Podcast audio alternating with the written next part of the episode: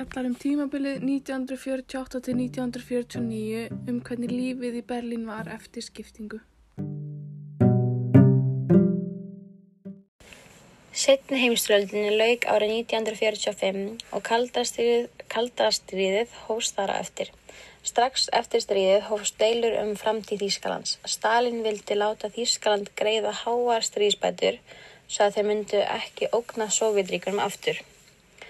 Að meðan að bandaríkin vildu styrkja atvinnu þar eftir og það tölda nöysilegt til að koma efnahagslífinu aftur á stað í Evrópu.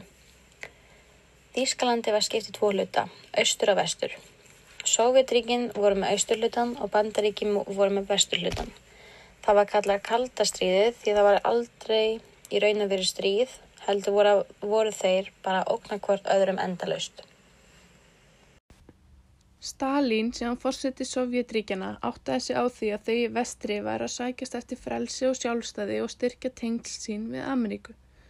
Austri reyndi því að þrengja að vestrinu til dæmis með því að takmarka ramagnir í fjóra tíma á dag og þurfti því að þrýfa á nóttunni. Fólki reyndi samt að standa saman í gegnum þessa tíma.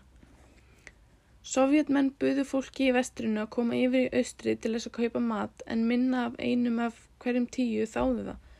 Í myndbandinu kemur fram hvaða mikið áráðustrið í gangi á milli austursins og vestursins. Í austrinu að vera að sína fólki hvað lífið var gott með því að bjóða fólki upp á dansskemtanir og tónlist. Húsin þeirra voru hitið upp og þau fengur ramagn eins mikið og þau þurftu að minnstakosti til að byrja með.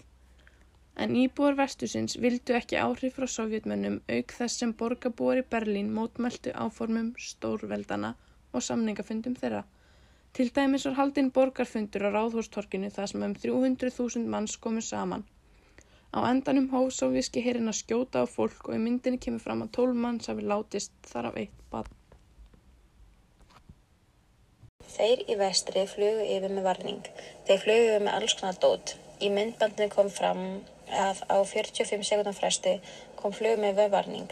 Þegar stærsta ókn var voru þeir í austri að þeir myndi gera einhvað við fluguna þeirra.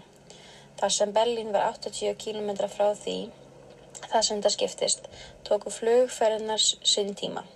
Flugmaður sem hétt Halversson flög þar á milli. Talaði um það hvernig börn, börnin komu og töluði við hann spurði hann hvernig þetta yrði á morgun og báði hann að gefast ekki upp og sleppa því að koma. Hann talaði líka um að krakkin, krakkar frá 8 til 14 skulu, skildu alveg ástandið og hvað væri í gangi. Hann lofaði börnum að hækka, hætta ekki og koma og tók með sér súklátíkjó til að gefa þeim sem var svo sleftið þeirra með litlum fallífum. Það sem að Það sem hann var að gera var fljótt að byrjast út og voru komna góða sögu um hann og vestrið. Í rauninni var heilmikið óráðastrið í gangi fyrir bæði vestri og austrið og þess vegna var útvarp mjög mikilvægt. Útvarpi í vestri var notað til þess að ná til fólks en til þess að fá það til að hlusta var reynd að, gera, var reynd að vera með til dæmis fréttir sem hægt var að treysta á og svo var líka gert grín af sovjetmönnum. Í myndbandinum var viðtal við gamla konu sem hafi sungið áróðurslag í útvarpinu á þessum tíma sem hún skildi ekki alveg sjálf á þeir tíma því hún var svo ung. En hún myndi að þetta var mjög vinsælt lag. Svo í desember árið 1949 kusu þeir í vestri nýja til þess að stjórna þeirra helminga borginni. Þeir vildu stjórna sér sjálfur en ekki láta aðra stjórna sér.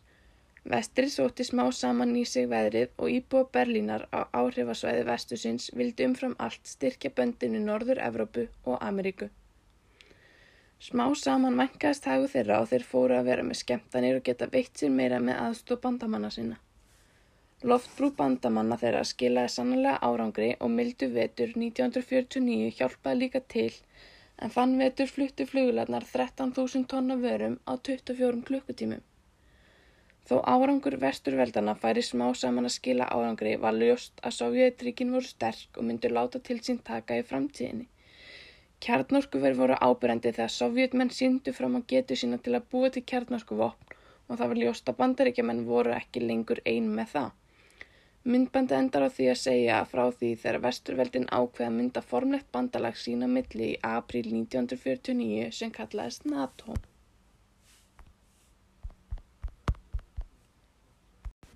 Takk fyrir okkur.